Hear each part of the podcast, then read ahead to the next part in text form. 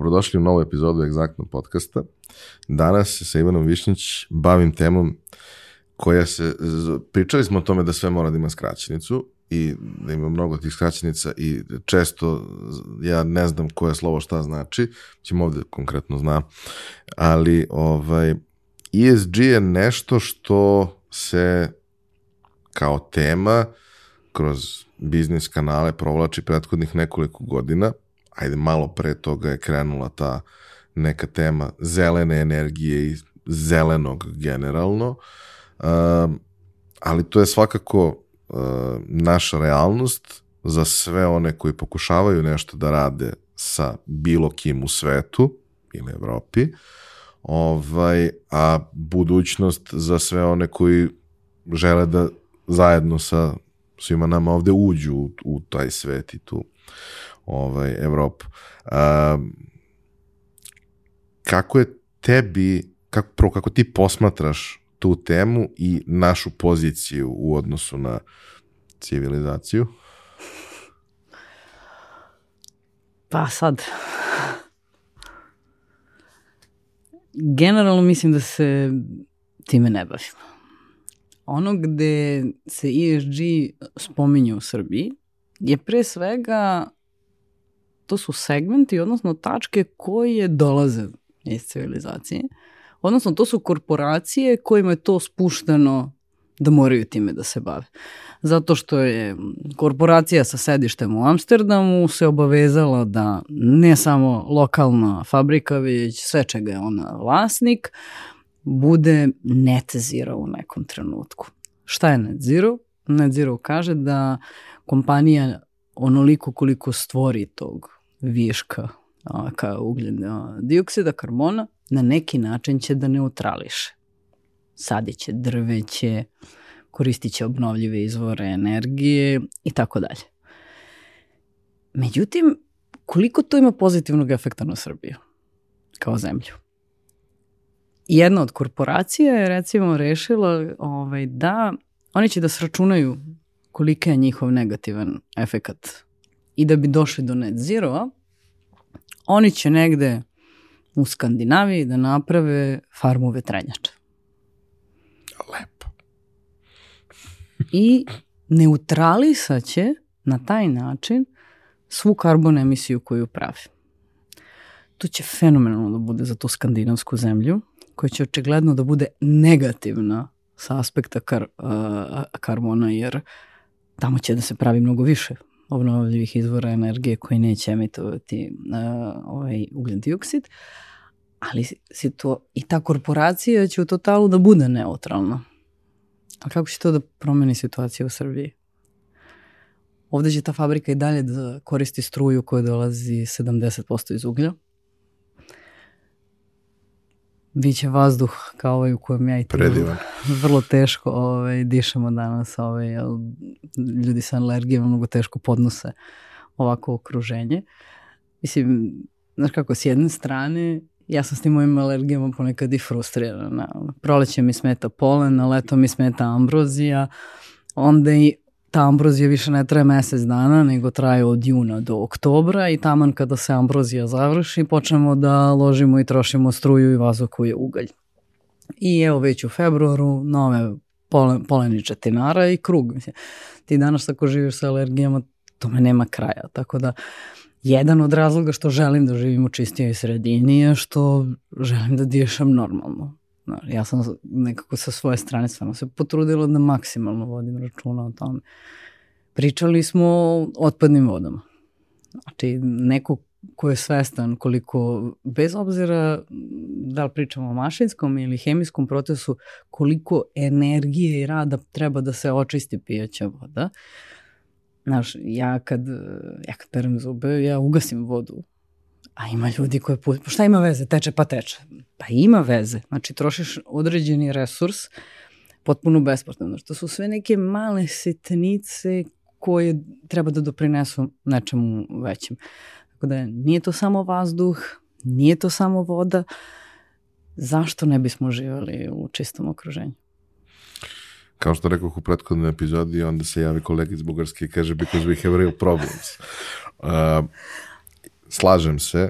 E, nažalost, čini mi se da e, tu postoji još nekoliko lejera ispod onoga koje je na površini. Prvo, sećam se i to je u nekom trenutku čak i medijski bilo prilično popraćeno da smo mi u jednom periodu bili zemlja koja je u koju su uvozili otpad jer smo mi pristajali da ga skladištimo verovatno povoljnije nego bilo ko drugi.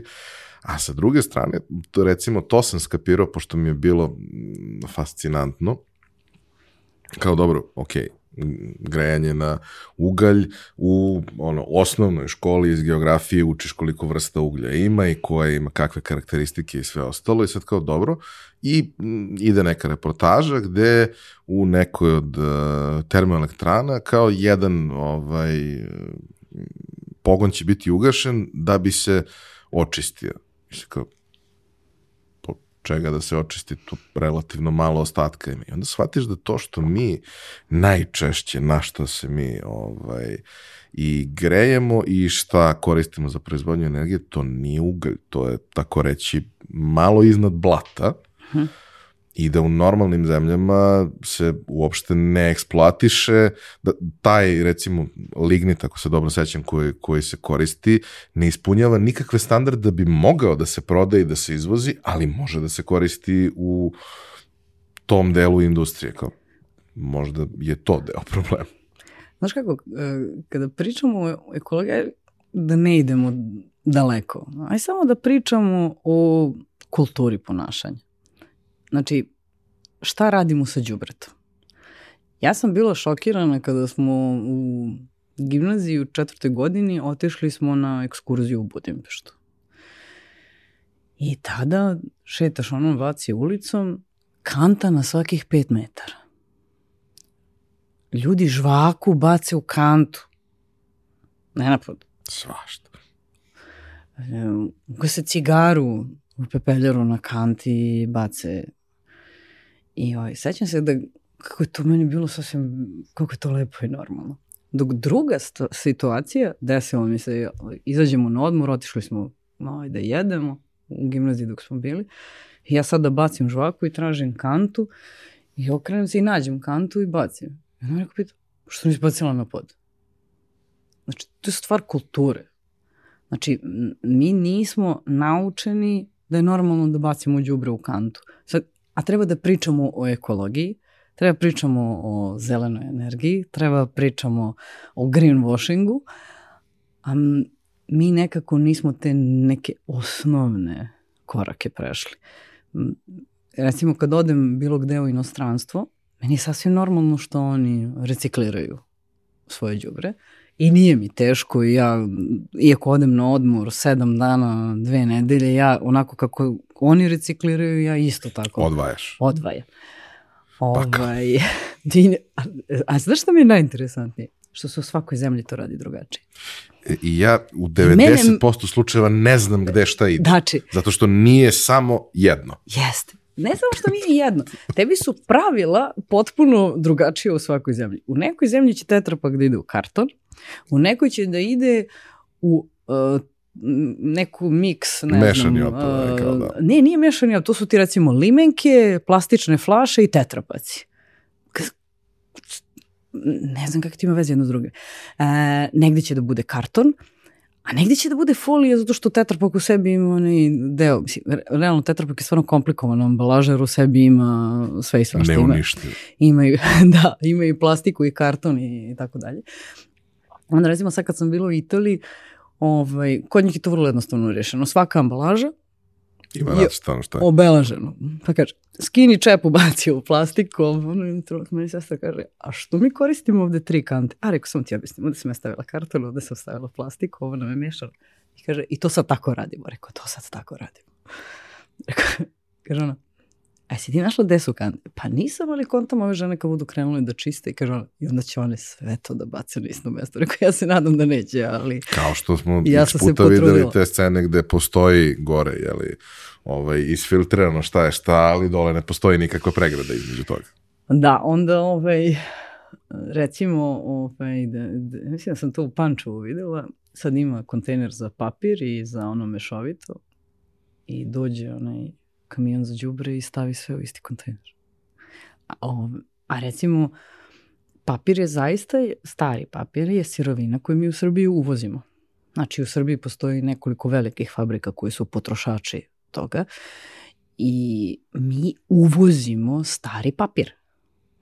Jedan od uh, velikih uh, problema koji se desio u toj industriji je svoje vremenu kada je Republički fond za zdravstveno osiguranje ukinu papirni recept. Količina stare hartije koja je u tom trenutku nestala u Srbiji je bila ovaj, fenomenalno komplikovana i ogroman izazov za proizvođače kartona koji to rade od stare hartije. Digitalizacija. Digitalizacija. Prokleta digitalizacija.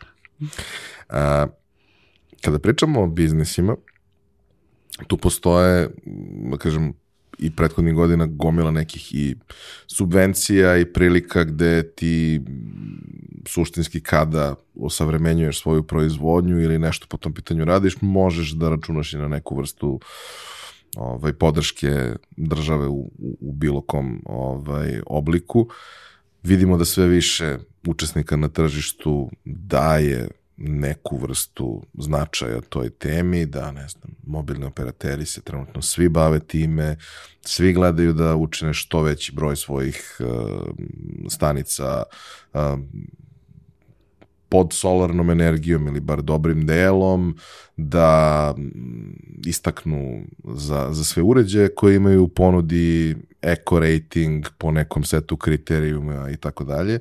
Dakle, napori na najrazličitijim stranama postoje, opet u velikoj većini slučajeva to je posljedica toga što su to kompanije koje su delovi nekih velikih sistema gde se to verovatno na globalu radi, radi. Na taj način. E sad, uh, vaša uloga ovde uh, kao najboljeg domaćeg konsultinga, što kao volimo da kažemo, neko ko je ono lokalno stvoren po nekim principima koji nisu došli nužno precrtani ni iz jednog od, od velikih sistema, jeste da vi najčešće, ako ne isključivo, radite sa domaćim firmama. Domaće firme nemaju nikog ko im je rekao da to tako treba, eventualno mogu kupci da ih uslove time da neke stvari moraju da rade na određeni način. Koliko kod njih postoji svesti, kako oni gledaju na to sve? Pa, kao što si rekao, imamo kompanije kojima to spušteno u stvari sa centrale, da moraju time da se bave i ove ostale koji time ne moraju da se bave. E, generalno, ono čega trebaju svi da budu svesni je da jedan nivo regulative u izveštavanju vezano za ekologiju krenuo sada 1. januara 24. od najvećih e, kompanija, koje, i to važi za Evropsku uniju, pa se taj opseg širi 1. januara 25. i 1. januara 26. U nekom trenutku svi koji su dobavljači tim firmama koji su iz Evropske unije biće prinuđeni da ispuštuju to izveštavanje. Tako da, iako Srbija do tog trenutka ne bude imala izveštavanje, oni će zbog svog klijenta, zbog ko, svog kupca morati da se bave izveštavanjem u skladu sa CSRD regulativom. I to će na njima takođe da bude spušteno od strane kupaca. Treba je polako da krenu da se informišu o tome da ne bude iznenađenje. Nije ovaj, to izveštavanje u trenutnoj fazi čak i nije previše komplikovano, ali to ide do toga da recimo u automobilskoj industriji ne zbog tog izveštavanja, već zato što treba da isprate ceo sistem karbon emisije, ne šta auto proizvodi kasnije, već šta se napravi od karbona emisije proizvodnjom automobila. I to se ne dešava samo u fabrici koja proizvodi automobil, to se dešava i kroz kod svih onih dobavljača koji prave sirovine za automobil. I sada vi imate lanac koji je rekao, dobro, da bismo mi to lakše pravili, vi ćete svi da radite na istim sistemima koje mi radimo, svi ćete da investirate mnogo u nove informacione sisteme, da bismo mi bili isti i da bismo mi vas lakše pratili možeš da uradiš tako ili da ostaneš bez kupca. Ko, oni uopšte nemaju opciju izbora. Tako da to će samo do jednog trenutku da dođe, vi to morate. Tako da oni koji budu radili ili koji sada rade sa evropskim kompanijama će biti prinuđeni da krenu da se bave ovaj, tim segmentom. A šta se dešava kada ti prosto imaš situaciju da zato što poštuješ sve, nisi više konkurentan sa cenom? Ne trebamo da živimo u zabludi da će izraži da bude jeftin. To je prva stvar. Kada budemo ispoštovali sve, kada dođemo do net zero, budemo ekološki sad, to će bude mnogo skupo. Investicija u osnovne elemente net zero je u Evropskoj uniji procenjena na desetine milijardi eura u narednom periodu. Znači, to nije nešto što će da bude jeftino. Koštaće države, koštaće kompanije i sad kao, pa dobro, šta će nam to? Pa možda ste u prethodnom periodu zaradili zato što niste poštovali. Ako hoćete da imate za koga da proizvodite u narednom periodu. I pitanje, opet, e, zašto to radimo? Šta je to što mi želimo da ostavimo generacijama koje dolaze iza nas? Pustinju ili prirodu? Znači, mi sada moramo da rešimo taj problem. Mislim, ja neću da doživim taj problem osim ovog zagađenja sa alergijom. Koliko god se stvari budu bolje ili lošije, neću da živim još 100 godina. Ali ovo je sad trenutak kada se mi zaista bavimo time kako će generacije iza nas da žive. Dovoljno dugo mislim da smo živeli na teret i na račun planete i da je možda u redu da malo i vratimo. I e sad, uh, ono što uvek postoji kada se dešava neka ovakva vrsta promene, postoje oni koji preteruju, postoje i da. oni koji zloupotrebljavaju Kao. situaciju uh, i uh, prosto pokušaj da mi oslikaš kako jedan vlasnik jednog preduzeća u Srbiji koji je osvešćen, ali naravno ne zna sve što treba zato što nije mu to posao, odnosno jeste, ali ne zna da mu je to posao, ovaj, kako treba da se, uh, kako treba to da posmatra iz ugla narednog koraka njegovog biznisa, zato što to je neprijatnost. To je nešto čime treba da se baviš, što je mimo onoga što tebi negde u glavi i u planu i u svemu ostalom. Um, evo, daću ti primer jed, takav koji se desio.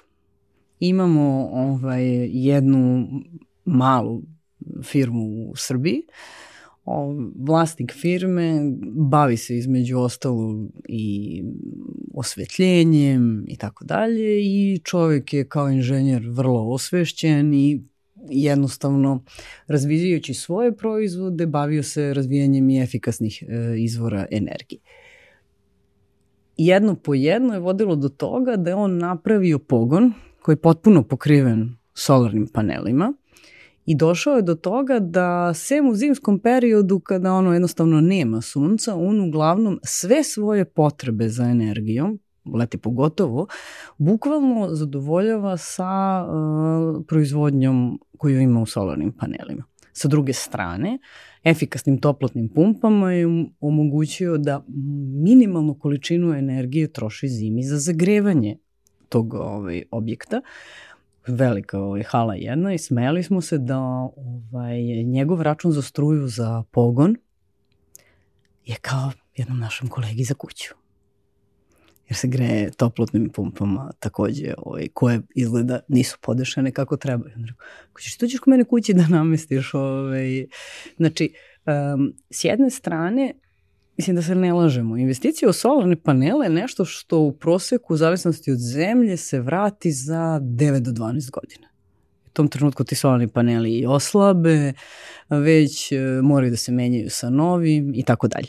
Tako da, to nije ništa jeftino on je investirao u solarne panele, da ne troši struju, ali ne treba onda opet vraćamo se na onaj deo a, financija.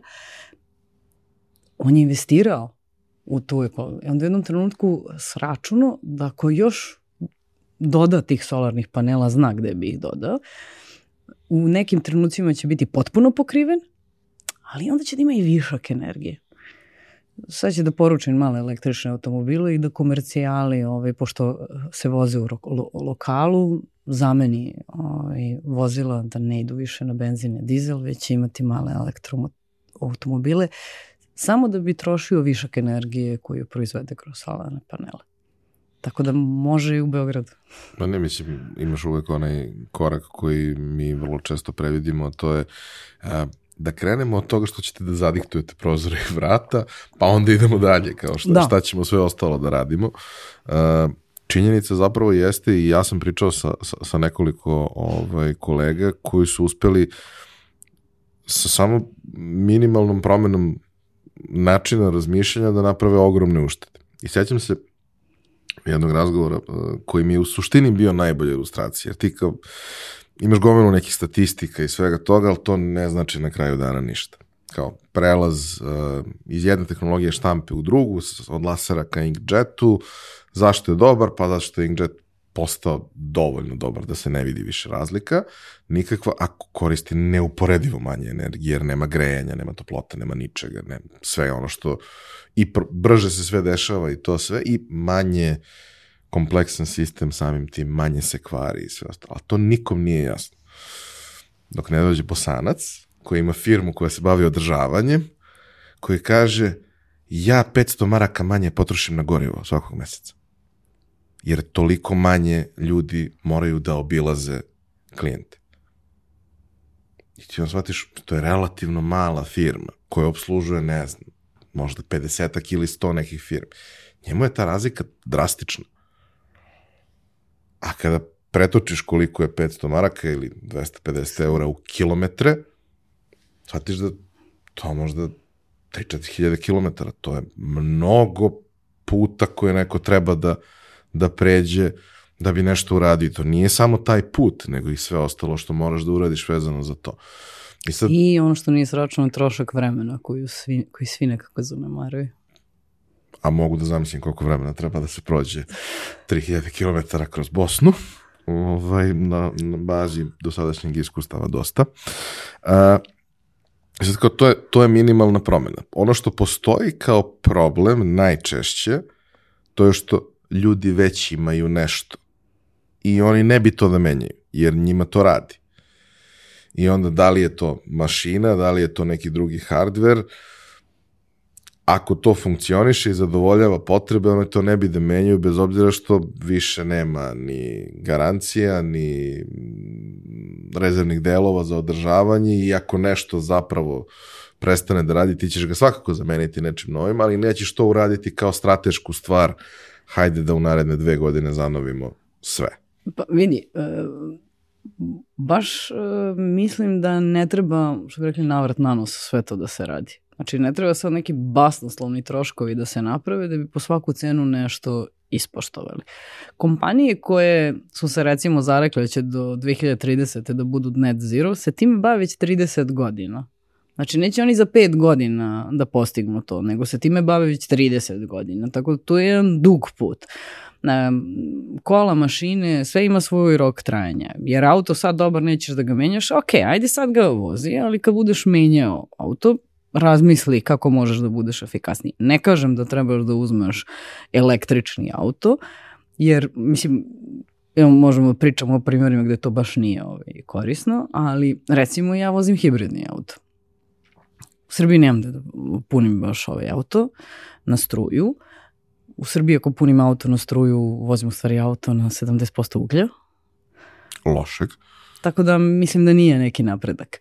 Ali ako probam sa hibridom, eto, tro, trošit će se 30-40% manje benzina i za početak to je, to je dobar napredak. Znači, postoji neki best buy.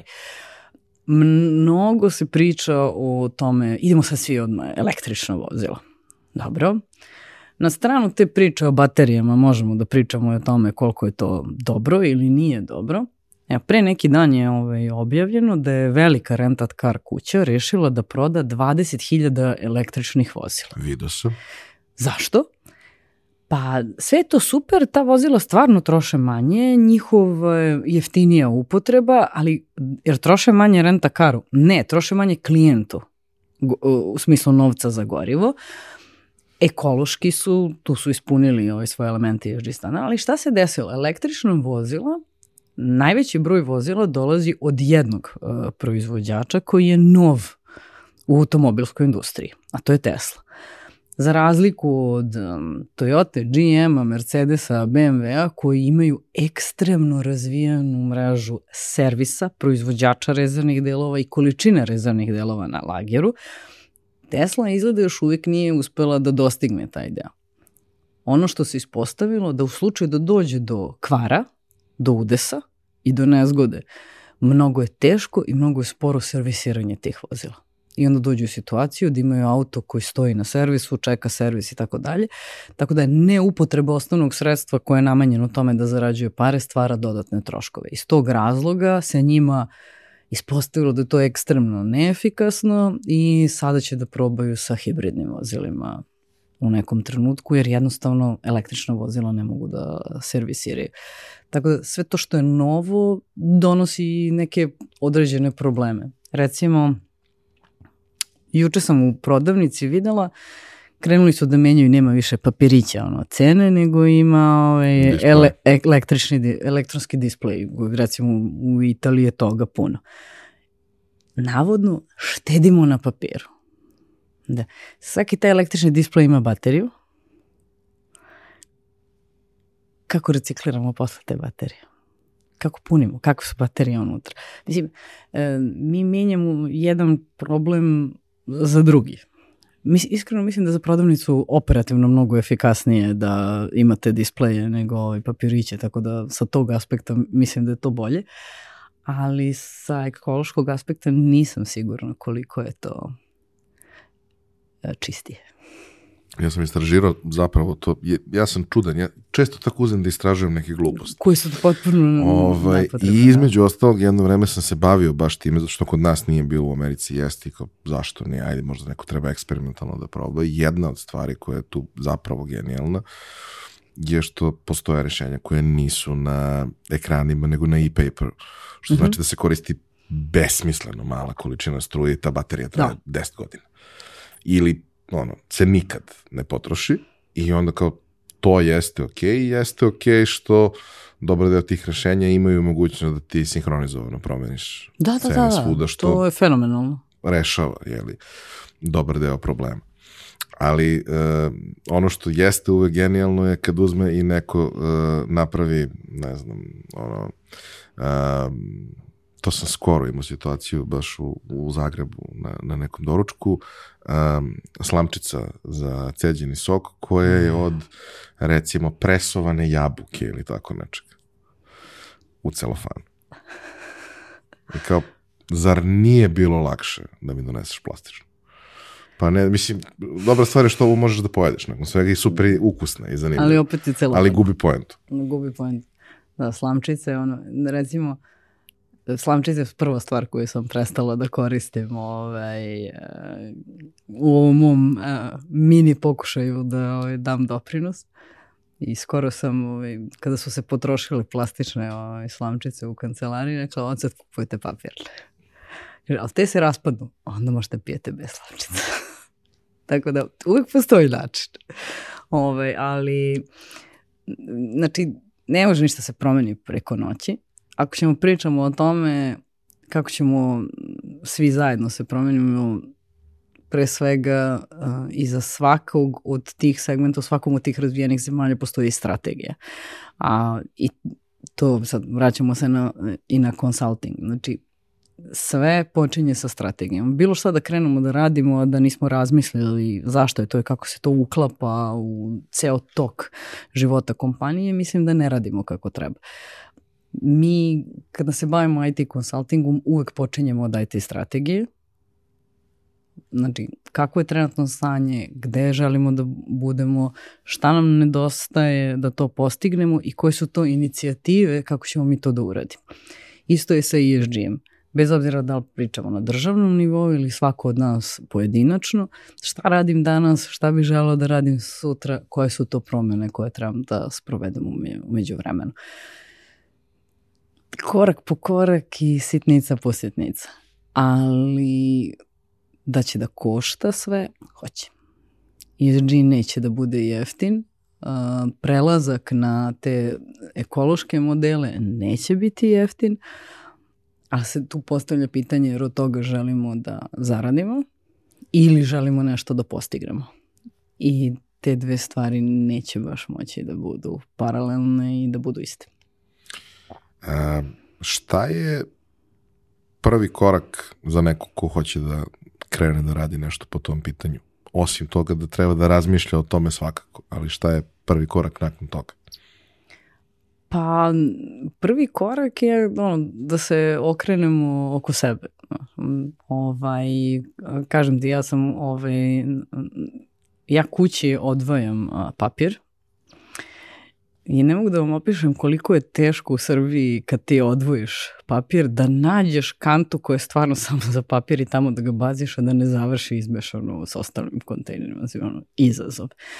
Nisam sigurna koliko stvari možemo da uradimo kao pojedinci, ali jedna od na, jedna od stvari koje, koje meni ono vrlo draga inicijativa, to je čep za hendikep. I ja već godinama ovaj, skupljam čepove. Svaka od firmi od Exacta Group je učlanjena u taj pokret, dobrovoljno ili dobromorno sad ne znam, ali svi skupljamo čepove i sad, već su svi, interesantno da nisu svi uopšte znali šta je to, ali sada je postalo normalno da odvojimo flašu i čep i čep ubacimo u kutiju, ovaj, ja i u kući organizujem kod mene u zgradi, kod mojih roditelja u zgradi skupljanje tih čepova, tako da razdvajamo ono, staklo pa i tako. A, I to su sitnice, ali svako od nas treba da krene od sitnice.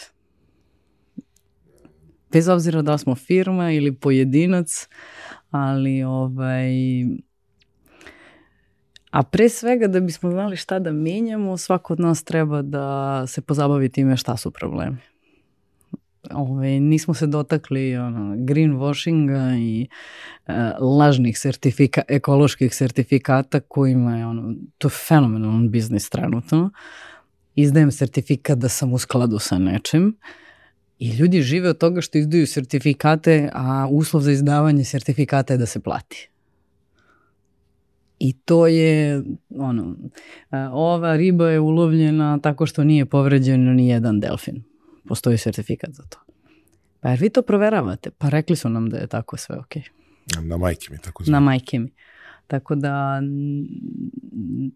ima, pričali smo o tome da ima puno zloupotreba, ima puno ovaj, um, negativnog konteksta u svemu tome i ja stvarno, mislim, bez obzira što ja pokušavam lično pre svega da živim to i onda da propagiram ovaj, taj eh, pre svega eko, ekološki segment ESG-a, zgrožavam se na zloupotrebe oko svega toga. Znači, najpoznatije u mobilnoj industriji, mi više nećemo da stavljamo punjače u kutije za telefon zato što je tako ekološki. Vi imate stari. Ne, tako je jeftinije. Tako da ne trebamo da se lažemo. Znači, dosta imamo tih situacija da zarađujemo na zlopotrebi reči ekologije, na zlopotrebi reči net zero, a onda imamo COP28 koji je jedan od najvećih proizvođača kar, kar, karbon emisije u celoj godini. Ne može se ide peške. Sve se razumem. Uh, ne znam, e, zanimljivo je kad, kad uzmeš i gledaš analize koje ljudi prave i onda shvatiš u jednom trenutku, bila, bila je vest o tome, to mi je bilo super smešno, pošto sam u tom trenutku ja vozio Octaviju. Znam da si i ti u nekom trenutku vozila Octaviju. Da kao, auto, onaj neki 1.6 uh, TDI, kao ima manji carbon footprint nego 90% mm -hmm. nečeg drugog, kao Kako je to moguće? Pa moguće je troši ispod 4 litra. I, sasvim jednostavno. I to je to. I znači, kao... iako je to uh, 1.6 TDI, iako je to auto na zloglasni dizel, ovaj, taj auto ima manju karbon emisiju od čak i nekih hibridnih automobila. Iz, ali je lak, ima mali motor i troši manje od 4 litre. Da, mislim, vidjet ćemo kuda to sve ide. Svakako, tema je koja je važna i tema je kojom se bavimo. od domaćinstava do firme, do proizvodnje, do svega što, što postoji.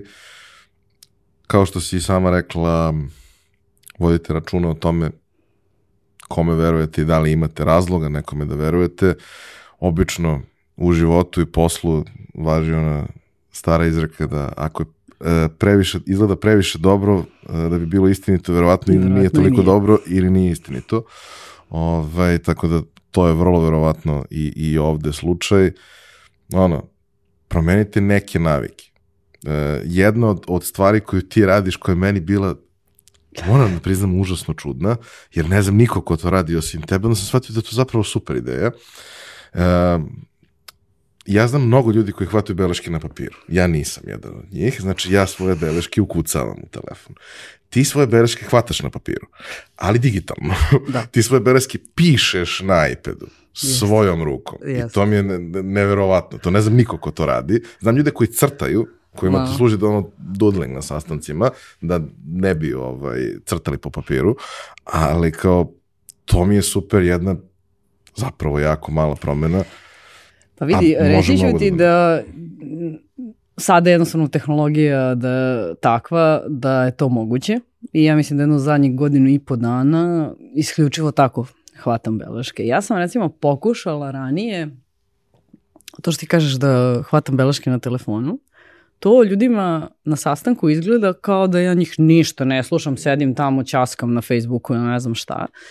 Onda sam probala da hvatam beleške na laptopu što takođe ljudima se ne sviđa. Zato što u tom trenutku dok ti hvataš e, beleške, ti si uglavnom fokusiran si na, iako znaš ono poluslepo da kucaš kao ja, fokusiran si malo tastatura, pa malo monitor i onda imaš mnogo manje eye contact i mnogo, viš, mnogo manje osjećaš sagovornika. I to opet nema taj, ne pravi dobar uh, raport na sastanku.